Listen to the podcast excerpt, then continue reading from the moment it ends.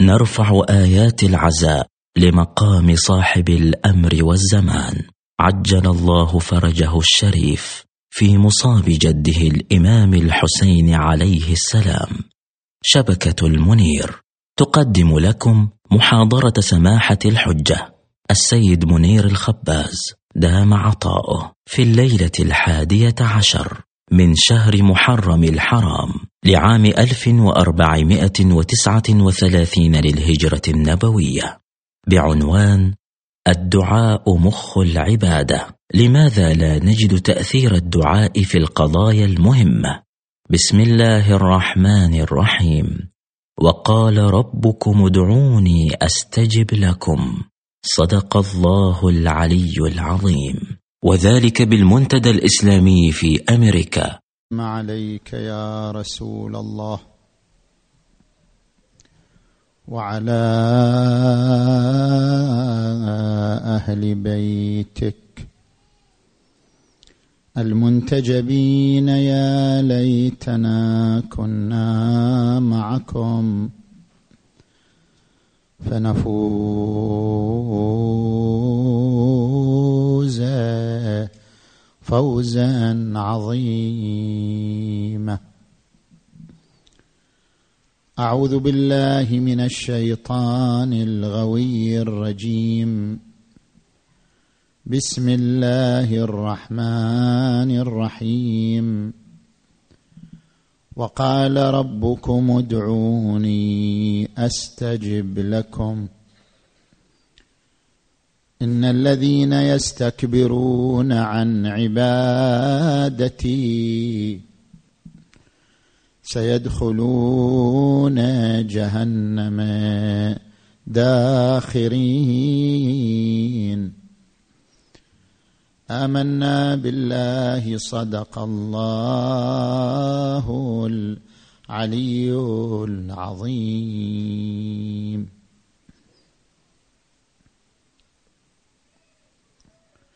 انطلاقا من الآية المباركة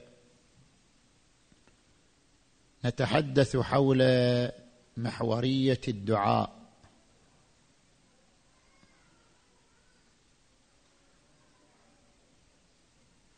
عندما نرجع إلى ما يذكره بعض أقطاب المدرسة المادية نجد أن هناك تقليل من محورية الدعاء ومن أهمية الدعاء. مثلا دوكنز في كتابه وهم الإله صفحة ثلاثة وستين. يقول إن من التجارب المسلية بل المثيره للشفقة تجربة الدعاء.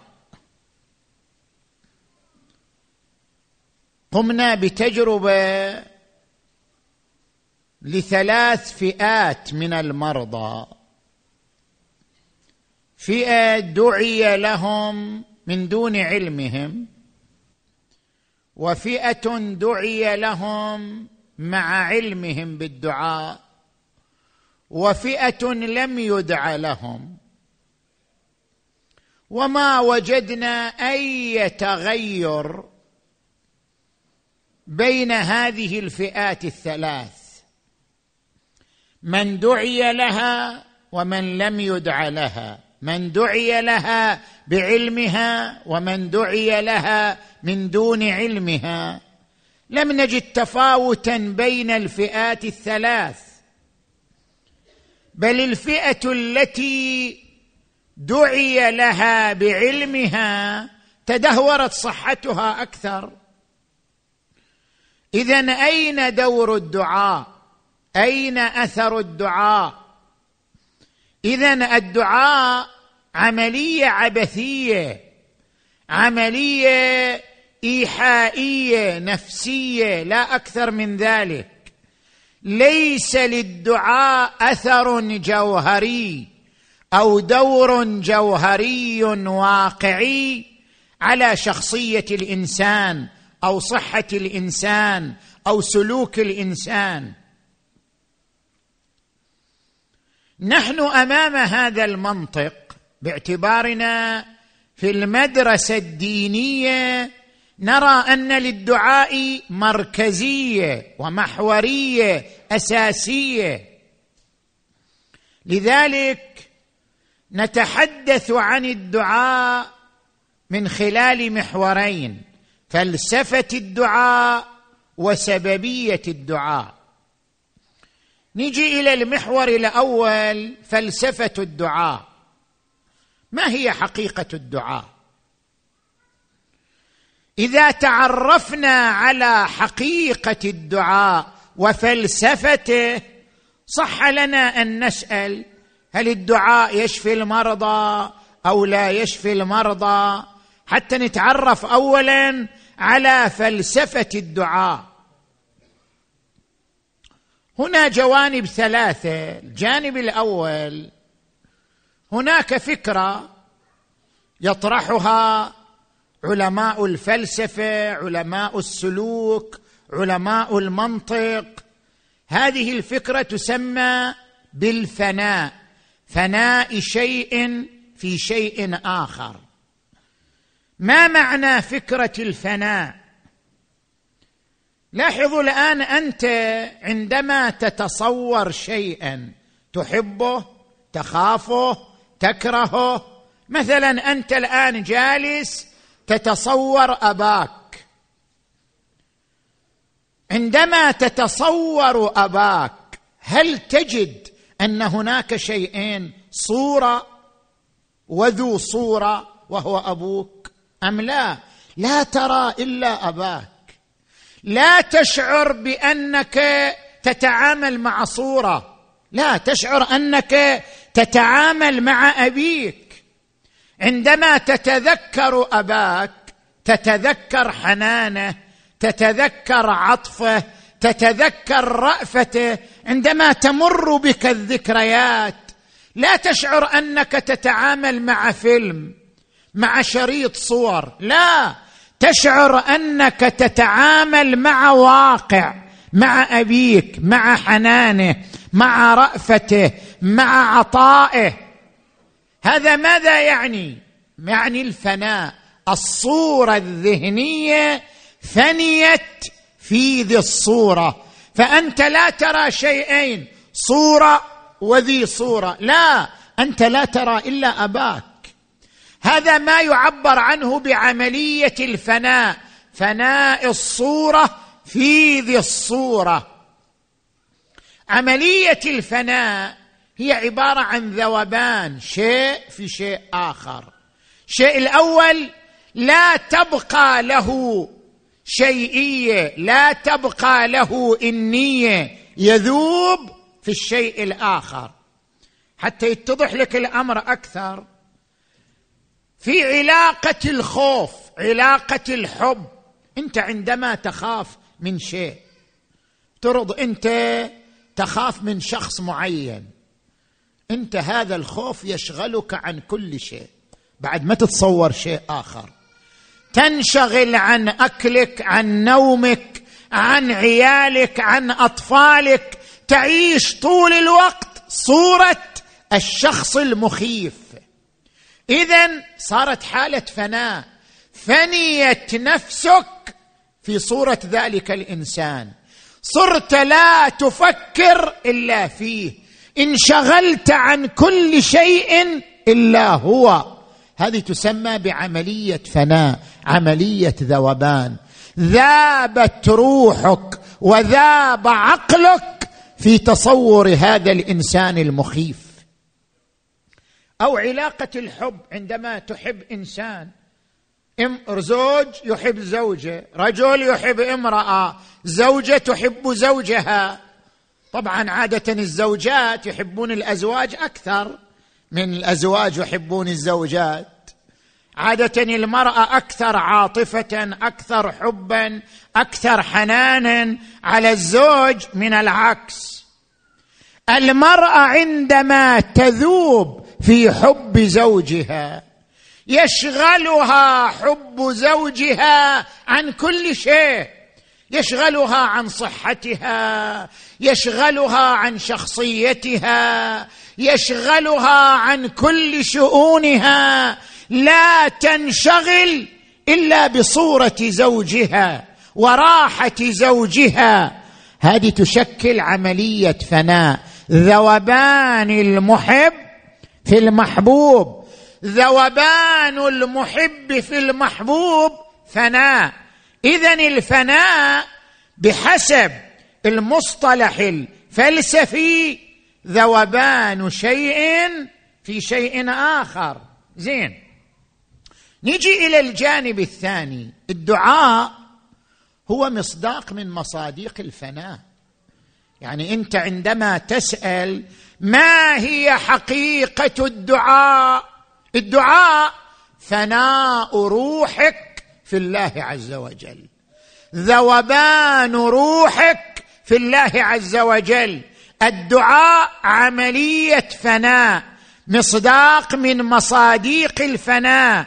يعني شلون مصداق من مصاديق الفناء؟ الدعاء تحويل الفقر الوجودي إلى فقر روحي. شلون تحويل الفقر الوجودي إلى فقر روحي؟ جميع المخلوقات ومنها الإنسان. هي عين الفقر لله عين التعلق بالله عين الربط بالله كل المخلوقات ومنها الإنسان. الإنسان ما هو؟ هو عين الفقر لله. الإنسان ليس شيئا مستقلا عن الله. ليس شيئا متحيزا عن الله تبارك وتعالى. الإنسان عين الفقر عين التعلق بالله عز وجل. إحنا من باب المثال وتقريب الفكرة وإلا علاقة الإنسان بالله أدق وأعمق من أي مثال نطرحه. مثلا عندما نأتي علاقة ضوء المصباح بالطاقة الكهربائية. ضوء المصباح هو تعلق وربط بالطاقة الكهربائية. لا وجود لضوء المصباح مستقل. ما تقدر تقول والله الطاقة وجود مستقل والضوء وجود مستقل. لا. ضوء المصباح ربط بالطاقة الكهربائية. متى ما توقفت الطاقة لحظة انتهى ضوء المصباح. ضوء المصباح عين الفقر عين الربط بالطاقة الكهربائية. بهذا التقريب وجودنا بالنسبة إلى وجود الله عين الربط. إحنا فقر مدقع نحن ربط مدقع. لو رفع الله يده عن المدد ما كان لنا وجود في لحظة واحدة. فنحن عين الربط به عين الفقر له. وهذا ما أكده القرآن الكريم يا أيها الناس أنتم الفقراء إلى الله والله هو الغني. نحن عين الفقر لله. طيب هذا الفقر الوجودي إحنا نريد نحوله إلى إحساس. أنت أيها الإنسان عين الفقر. لكن هذا الفقر نريد نحوله من فقر وجودي إلى فقر روحي. هذا الفقر الوجودي نريد أن نجسده نريد أن نمثله.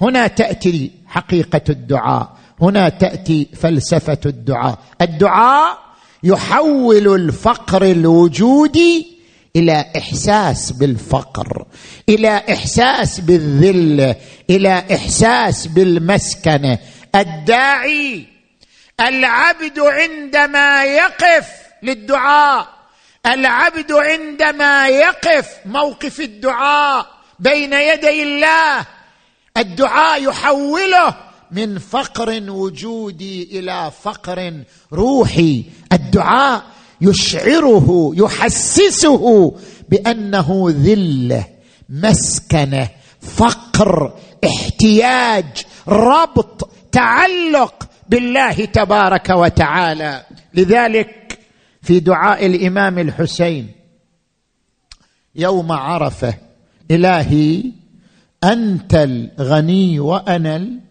الفقير أنت العالم وأنا الجاهل. أنت العزيز وأنا الذليل. أنت الغني وأنا الفقير. أنت القوي وأنا الضعيف. هذه كلمة أنا وأنت. هي حقيقة الدعاء. حقيقة الدعاء أنني أنا فقر ضعف جهل موت ذلة أنت عزة غنى قوة حياة. اذا الدعاء يحسسك بواقعك يحسسك بقيمتك يحسسك بأنك عين الفقر والذلة لله. هذه حقيقة الدعاء. حقيقة الدعاء يحول الفقر الوجودي إلى فقر روحي. خل أرسخ هذه النقطة أكثر. ترى إحنا نعيش حالة تضخم حالة تورم. كيف نعيش حالة تضخم؟ يعني عندما نقرأ عندما نقرأ هذه الآية المباركة إنما الحياة الدنيا لعب ولهو وزينة وتفاخر بينكم. وتكاثر في الأموال والأولاد. إيش معنى تكاثر في الأموال والأولاد؟ يعني ننجب أولاد كثيرين ونربح أموال كثيرة؟ مو هذا المعنى الظاهري فقط. وتكاثر في الأموال والأولاد يعني نحن نرى أن ذواتنا تضخمت من خلال الأموال والأولاد. نشعر بأن لنا وجودا ضخما. يقول لك شنو؟ يقول لك أنا إنسان عندي شركات عندي عقارات لقبي معروف اسمي معروف. أنا أرى نفسي بصورة مضخمة. أرى نفسي بصورة متورمة من خلال أموالي من خلال شركاتي من خلال اسمي. أو عندما يكون لي لقب معين دكتور بروفيسور آية الله علامة. أشعر أن لنفسي ضخامة. أشعر أن لنفسي هالة. أنظر إلى نفسي بصورة مضخمة بصورة متورمة. هذا معنى التكاثر أنني أرى نفسي كثيرا وأنا لست في الواقع كذلك. ألهاكم التكاثر حتى زرتم المقابر ألهاكم هذا النظر لأنفسكم بالضخامة والتورم حتى جاءكم الموت وأنتم على هذه الحالة. ألهاكم التكاثر حتى زرتم المقابر. نحن نرى أنفسنا بضخامة. كيف نتخلص من هذه الرؤية؟ كيف نقرأ أنفسنا بواقعية؟ كيف نتعرف على حجم أنفسنا أننا في الواقع لسنا بهذه الضخامة؟ هذه الضخامة ضخامة وهمية. بروفيسور ودكتور وآية الله وعلامة وإنسان ثري وتاجر هذه كلها ضخامة مادية ضخامة وهمية. إذا أردنا أن نقرأ أنفسنا قراءة واقعية نكتشف أنفسنا على حجمها. على واقعها فالدعاء هو الوسيلة. الدعاء يعرفك بحجمك يعرفك بواقعك يعرفك بمقدار شخصيتك. عندما تقف بين يدي الله وتتذكر أنك لا تملك شيئا كل شيء. هذه ثروتك وأموالك وأولادك كلها تذهب في لحظة واحدة. إذا جاءك الموت لا تستطيع أن تمد عمرك ثانية واحدة. إذا تصورت الفقر والذله والمسكنة من خلال الدعاء اكتشفت حقيقتك اكتشفت واقعك. اذا الدعاء يحولك من فقر وجودي إلى فقر روحي يجعلك تفنى في الله تبارك وتعالى. هذا هو الدعاء. حقيقة الدعاء هي الفناء. وهناك صورة أخرى من الفناء. كيف؟ فناء الأنانية في الغيرية. شلون فناء الأنانية في الغيرية؟ خل أشرح لك بالمثال. أكو كتاب لدوكنز غير كتاب وهم الإله كتاب الجين الأناني. جيناتنا صيغت بأنانية. طبعا هذا يلتقي مع ما يذكره علماء النفس في المدرسة التحليلية. أقوى غريزة لدى الإنسان غريزة حب الذات. هذه أقوى غريزة عند الإنسان يحب نفسه. لذلك تشوفه يحب يتملك يحب يستأثر يحب يستحوذ على الأشياء. غريزة حب الذات تجعل الإنسان يهرول نحو التملك نحو الاستئثار. غريزة حب الذات تجعلك انانيا لا تفكر إلا في نفسك. كيف تتخلص من هالأنانية؟ كيف تتخلص من الأنانية وتتحول إلى ضمير حي يشعر بآلام الناس يشعر بآهاتهم يشعر بأزماتهم يشارك الناس في همومهم. كيف تتخلص من الأنانية وتنطلق إلى الغيرية؟ تتخلص بالدعاء. الدعاء وسيلة فناء. يفني الأنانية في الغيرية. يحولك من جين أناني إلى جين يشعر بآلام الآخرين. هذا هو الدعاء. الإمام الحسن الزكي عليه السلام يقول ما رأيت أعبد من امي فاطمة. فاطمة إذا قامت في محرابها لا تنفتل من صلاتها حتى تتورم قدماها من طول الوقوف بين يدي ربها فاطمة. وما رأيتها دعت لنفسها قط. وإنما تدعو للمؤمنين والمؤمنات أقول لها أمة فاطمة لم لا تدعين لنفسك؟ تقول بني حسن الجار ثم الدار. شوف الدعاء. يحول الإنسان من أنا إلى أنت. من الأنانية إلى الغيرية. بني حسن الجار ثم الدار. لذلك الإنسان دائما يطلب منه أن يدعو للمؤمنين.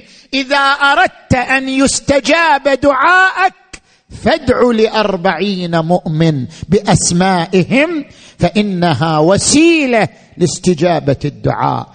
حاول أن تتحرر من الأنانية إلى الغيرية. اذا في هذا المحور الأول تناولنا فلسفة الدعاء. الدعاء فناء. تحدثنا عن معنى الفناء. في الدعاء. زين. نجي الآن إلى المحور الثاني. سببية الدعاء. كلام دوكنز. دوكنز يقول أقمنا تجربة على ثلاث فئات من المرضى. فئة دعي لهم دون علمهم. فئه فئة دعي لهم بعلمهم. فئة لم يدعى لهم. ما رأينا تفاوت. الجميع ما تغير وضعه الصحي. اذا أين دور الدعاء؟ نحن هنا نتحدث في جهتين في سببية الدعاء في جهتين. لاحظوا معي يا إخوان. اولا هذا التهويل الإعلامي لدوكنز في كتابه وهم الإله أو غيره. أنت حاول أن ترجع إلى المنطق العلمي يعني إلى ما يذكره العلماء المتخصصون في مجال الأعصاب. هل للدعاء أثر على الدماغ أم لا؟ دوكنز غير متخصص في هذا المجال. هو يتحدث عن كلام خارج عن تخصصه. ارجع إلى العلماء المتخصصين في هذا المجال. مجال علم الأعصاب. ما هو أثر الدعاء على الدماغ؟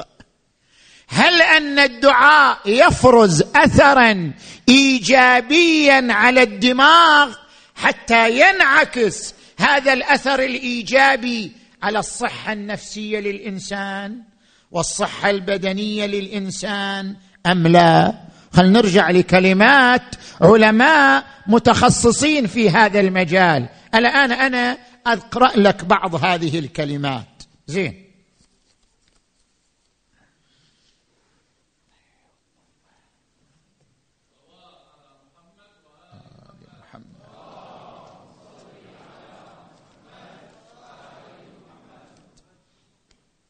تجي الآن إلى اندرو نيوبرغ أستاذ علم الأعصاب بروفيسور في بنسلفينيا في الولايات المتحدة. له كتابان مترجمان إلى العربية. كتاب كيف يغير الله عقلك وكتاب الله والدماغ. كتابان مترجمان إلى العربية. وهو عالم أعصاب ويتحدث أنه قام بتجارب على مجموعة من أدمغة المتدينين وادمغه غير المتدينين. قام بتجارب هذه التجارب أوصلته إلى نتائج. وهو يصرح بكلام دوكنز يتعرض بنفسه إلى كلام دوكنز ويناقشه. هذه التجارب أوصلته إلى نتائج بحثية علمية في تأثير الدعاء والعبادة على الدماغ. دماغ الإنسان. يقول لاحظ صفحة خمسة عشر. إن بعض الطقوس الدينية لا تعمل شيئا سوى الاسترخاء وبعضها يساعد على كونك منتبها مركزا وعدد قليل يأخذ الممارسين إلى عالم متعالي من التجربة الروحية يتم فيه تغيير حياتهم. يعني هناك بعض الطقوس العبادية تغير حياتك تسهم في تغيير حياتك. كيف؟ هو يذكر في صفحة تسعة عشر يقول يتحدث بالذات عن الدعاء والصلاة. يقول إنه يعزز الأداء العصبي للدماغ بطريقة تسهم في تحسن الصحة البدنية والعاطفية لدى الإنسان. وتولد الشعور بالسلام والوعي الاجتماعي والتعاطف مع الآخرين. ويقول أيضا إن الله جزء من وعينا. يعني الطبيعة الفسلجية للدماغ الطبيعة الفسلجية للدماغ بنيت وصيغت بحيث تكون فكرة الله جزء مريح لهذه الطبيعة الفسلجية للدماغ. الله جزء من وعينا. مع أنه غير متدين طبعا. هو يقول عن نفسه أنه غير متدين. لكن يقول هذه نتائج علمية نتائج أبحاث علمية. كلما تفكرنا في الله تغيرت الدوائر العصبية في أجزاء معينة من الدماغ. وهذا هو السبب في أنني أقول وبكل ثقة يقول كلامي كلام علمي أقول وبكل ثقة إن الله يمكن أن يغير دماغك. يتغير دماغك بفكرة الله تبارك وتعالى. زين. أيضا يذكر في كتابه الله والدماغ أنه قاموا بتجارب على مجموعة من أدمغة المتدينين وغيرهم اكتشفوا أن هذه الطقوس العبادية تعيد للدماغ وظيفته الأساسية.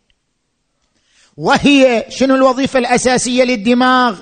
يقول وهي الحصانه الذاتية حيث يقوم الدماغ بحصانه ذاتية تؤثر على الصحة النفسية والبدنية للإنسان. يعني الطقس العبادي يساعد الدماغ على أن يستعيد نشاطه وظيفته الأساسية وهي القيام بالحصانة الذاتية لهذا الجسم ولهذه الصحة النفسية. شوف لاحظ هو يتعرض إلى كلام دوكنز بنفسه. يقول في صفحة ثمانية عشر في الآونة الأخيرة هناك مجموعة من الكتب المعادية للدين من بينها وهم الإله لدوكنز.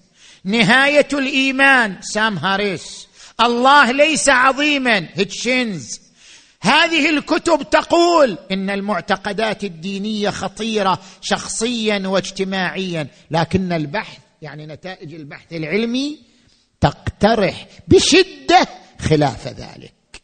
يعني نتائج البحث العلمي وصلت إلى خلاف ما تقرره هذه الكتب المعادية للدين. الدين الطقس العبادي الدعاء يسهم في صحتك النفسية والبدنية. تعال إلى عالم آخر. لكسيس كارل صاحب كتاب الإنسان ذلك المجهول له كتاب آخر اسمه الدعاء. يقول الدعاء ارتفاع بالنفس نحو الله عز وجل. الدعاء يقارن بشكل من الأشكال بتأثير الغدد الصماء ذات الفرز الداخلي كالغدة الذرقية. كما أن تأثير الغدد الصماء تأثير تدريجي خفي كذلك تأثير الدعاء.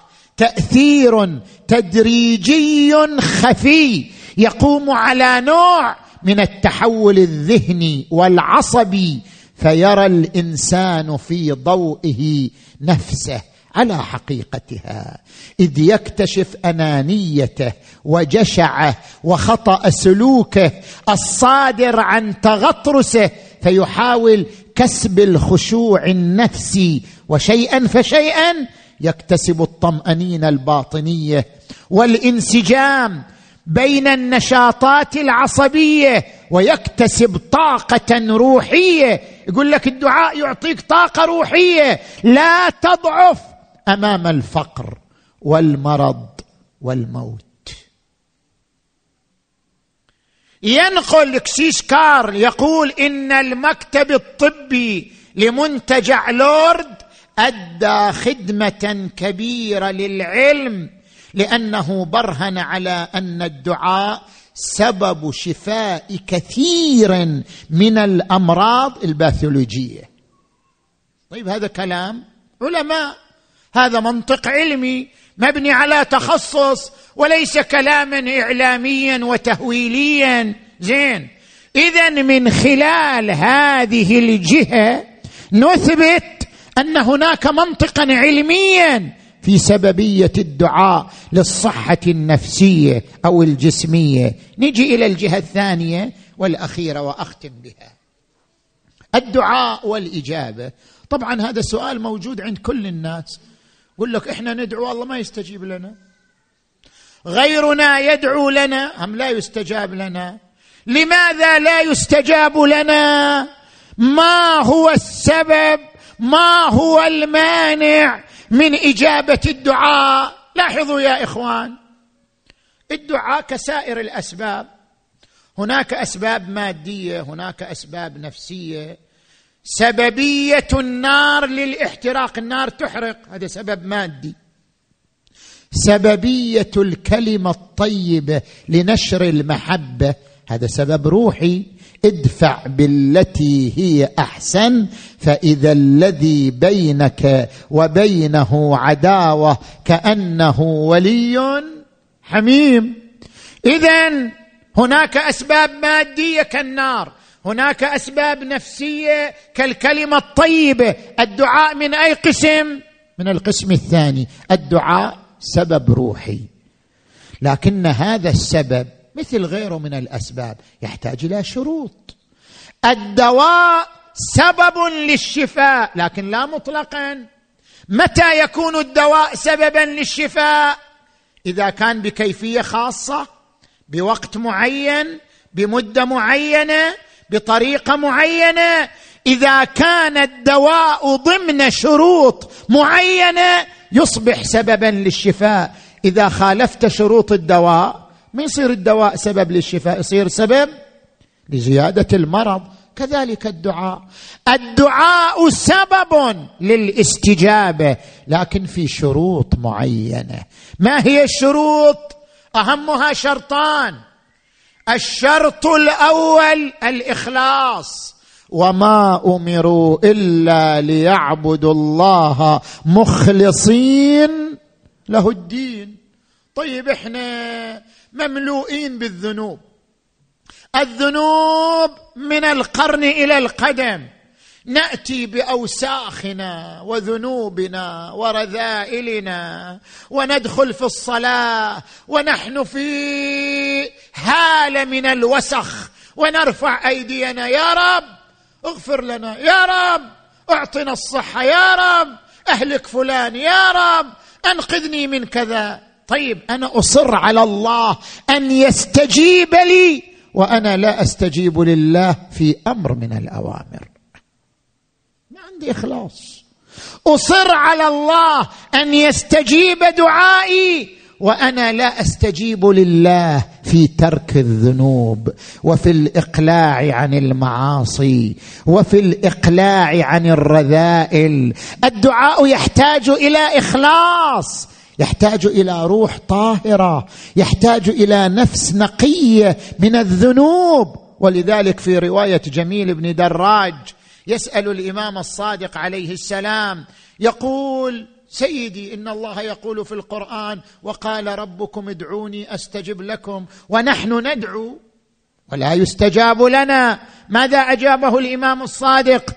قال يا جميل من وفى لله بعهده وفى الله له. أنتم لا تفون بعهد الله. والله يقول أوفوا بعهدي. أوفي بعهدكم. بيني وبينكم معاهدة. أن تتركوا الذنوب أن تتركوا المعاصي. إذا وفيتم بعهدي أوفي بعهدكم. أوفوا بعهدي. أوفي بعهدكم. ولذلك ورد في الرواية المعتبرة عن معاوية بن عمار من أعطى ثلاثا أعطي ثلاثا من أعطى الدعاء أعطي الإجابة من أعطى الشكر أعطي الزيادة من أعطى التوكل أعطي الكفاية وذلك قوله تعالى ادعوني أستجب لكم لئن شكرتم لأزيدنكم. ومن يتوكل على الله فهو حسبه.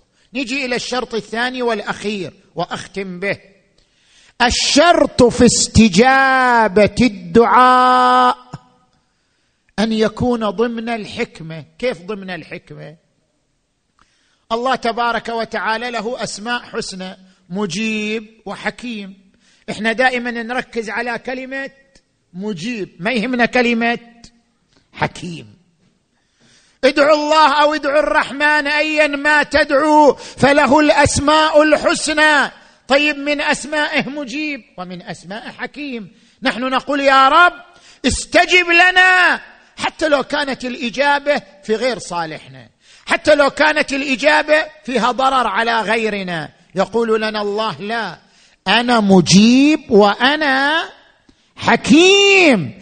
الأسماء الحسنى متوازية. الأسماء الحسنى متساوية. الله لا يكون مجيبا على حساب كونه حكيما ولا يكون مجيبا على حساب كونه رحيما. أنا أقول يا رب ارزقني الزوجة الفلانية. وإذا ما ترزقني إذا أنت ما أجبت دعائي. يا رب أعطني الوظيفة الفلانية. إذا ما تعطيني الوظيفة الفلانية ما أجبت دعائي. الله يجيبك. أنا مجيب لكن أنا أيضا حكيم. أجيب دعاءك إذا كانت الإجابة مناسبة للحكمة. أما إذا كانت إجابة دعائك ضررا عليك. أو ضررا على غيرك من الناس. فإجابة دعائك لا تنسجم مع الحكمة. اذا أنا مجيب وأنا حكيم. ولا أكون مجيبا على حساب كوني حكيما. الأسماء الحسنى متوازية. نرجع للمربع الأول الذي بدأنا به ونختم به. نحن يا إخوان نتعامل مع الدعاء بدوافع شخصية. يعني دوافع أنانية. دعاءنا كله لأشخاصنا. يا رب وظيفتي وزوجتي وأولادي وسيارتي. بعضهم يدعو حتى لسيارته بعضهم يدعو حتى لجبته. بعض يعني هكذا نعيش مع الدعاء في أجواء شخصية. نتعامل مع الدعاء معاملة أنانية شخصية. نجعل الدعاء كأنه مسألة شخصية بيننا وبين الله. بينما طريق أهل البيت يختلف عن ذلك. لم يتعامل أهل البيت مع الدعاء بهذا التعامل الشخصي. تعامل أهل البيت مع الدعاء كغذاء روحي. تعامل أهل البيت مع الدعاء كعلاقة قلبية مع الله. الدعاء حالة حب الدعاء حالة مناجاة الدعاء حالة عشق الدعاء حالة شوق الدعاء حالة ربط بالله. مو الدعاء مسألة شخصية. نحن نتعامل مع الدعاء بشكل شخصي. اقضي حوائجي كأن الله موظف أمامي أطالب منه أن يقضي حوائجي. الأئمة لا يتعاملون مع الدعاء هكذا. الأئمة يغضون النظر عن قضاياهم الشخصية. أمراضهم آلامهم مشاكلهم الشخصية يغضون النظر عنها يعتبرونها ويحتسبونها في الله عز وجل ويمارسون الدعاء كتجربة روحية مفعمة بالشوق مفعمة بالحب مفعمة بالارتباط بالله عز وجل. لاحظوا الحسين بن علي يوم عاشوراء. نحن عشنا ذكرى عاشوراء سمعنا كلمات الحسين. سمعنا أقوال الحسين. كيف الحسين تعامل مع الدعاء يوم عاشوراء الحسين تعامل مع الدعاء تجربة روحية علاقة قلبية غذاء روحي مع الله. الدعاء أعطى الحسين طاقة روحية تحدى بها الموت. تحدى بها الذل تحدى بها الظلم ولم يتعامل مع الدعاء بشكل شخصي. الحسين يوم عاشوراء قال هون ما نزل بي أنه بعين الله. كل ما نزل بي من مصائب هو بعين الله. أنا لا أفكر في هذه المصائب. المهم أن أكون قريبا من ربي.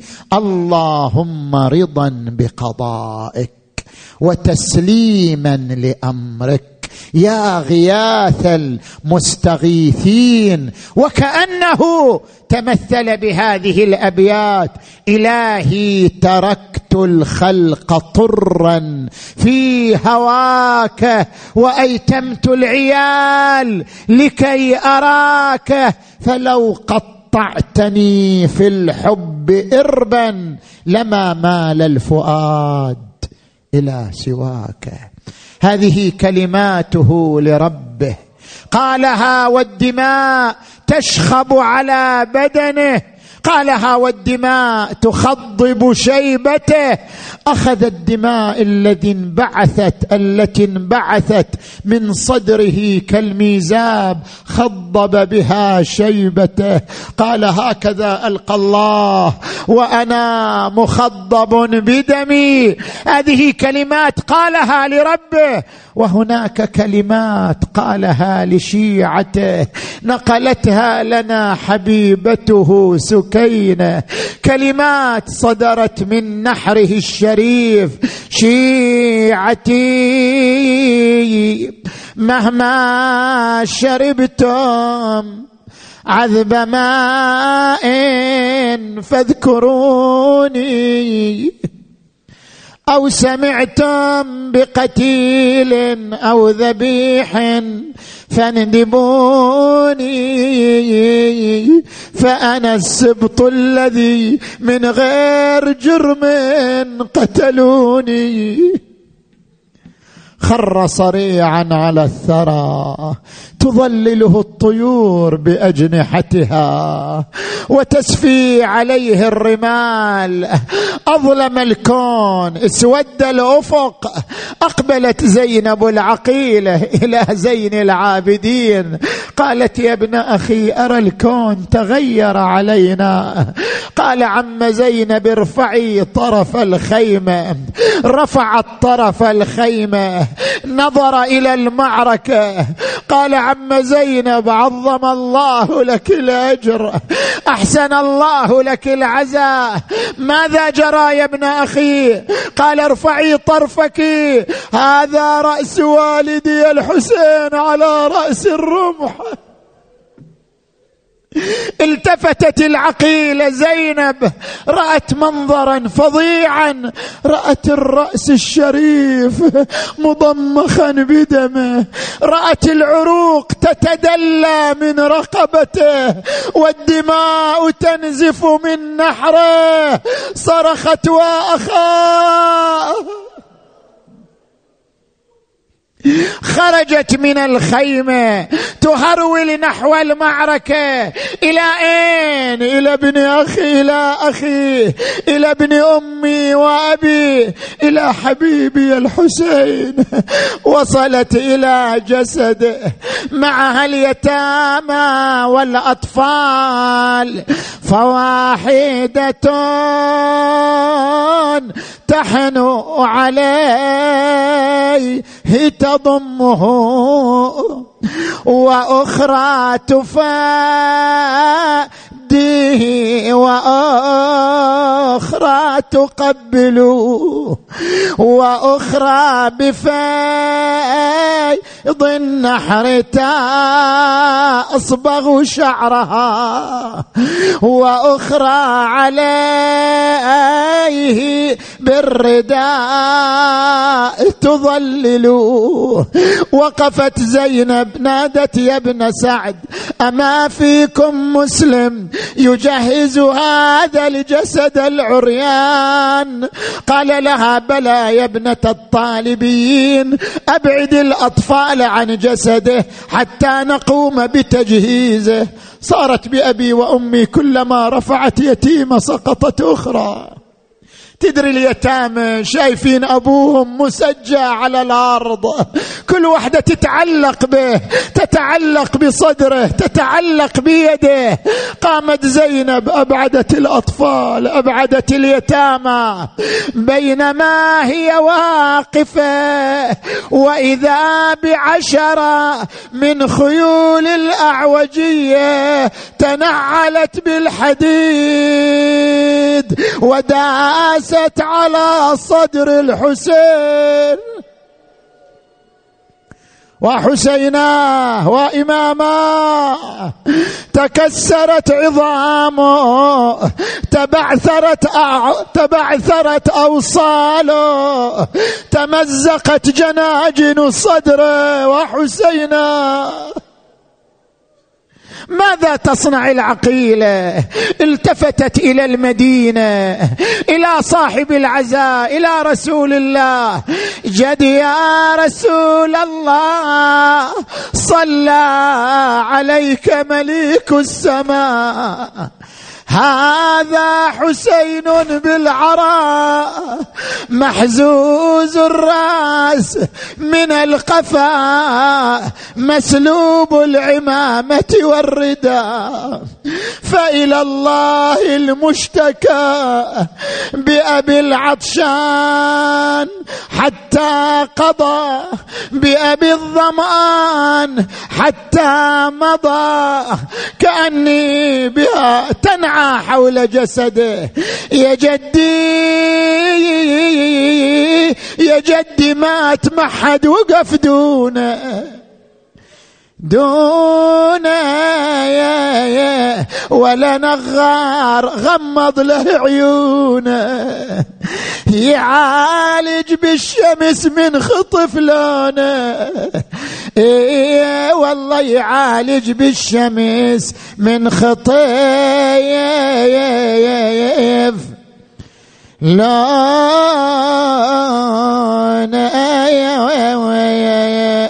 ولا واحد بحلقة ما يقطر. يا جدي مات ما حد مدد ايده ولا واحد حضر لو عدل رجله. يعالج بالشمس ما حد وصل ما غسلوه ولا لفوه في كفن يوم الطفوف. ولا مدوا عليه ردا يا الله. اللهم بحق الحسين الوجيه وجده وأبيه وأمه وأخيه والتسعة من بنيه. اللهم اغفر ذنوبنا واستر عيوبنا وكفر عنا سيئاتنا وتوفنا مع الأبرار. اللهم اشف مرضانا ومرضى المؤمنين والمؤمنات. واقض حوائجنا وحوائجهم. اللهم فرج عن المؤمنين والمؤمنات في كل مكان. اللهم وفق المؤسسين والمؤمنين لما تحب وترضى. اللهم عجل فرج وليك وابن أوليائك واكتب له النصر والظفر. واكتبنا من انصاره وأعوانه والمرضيين عنده. وارحم أموات المؤسسين وأموات المؤمنين والمؤمنات وإلى أرواح الجميع. بلغ ثواب الفاتحة. تسبقها الصلوات.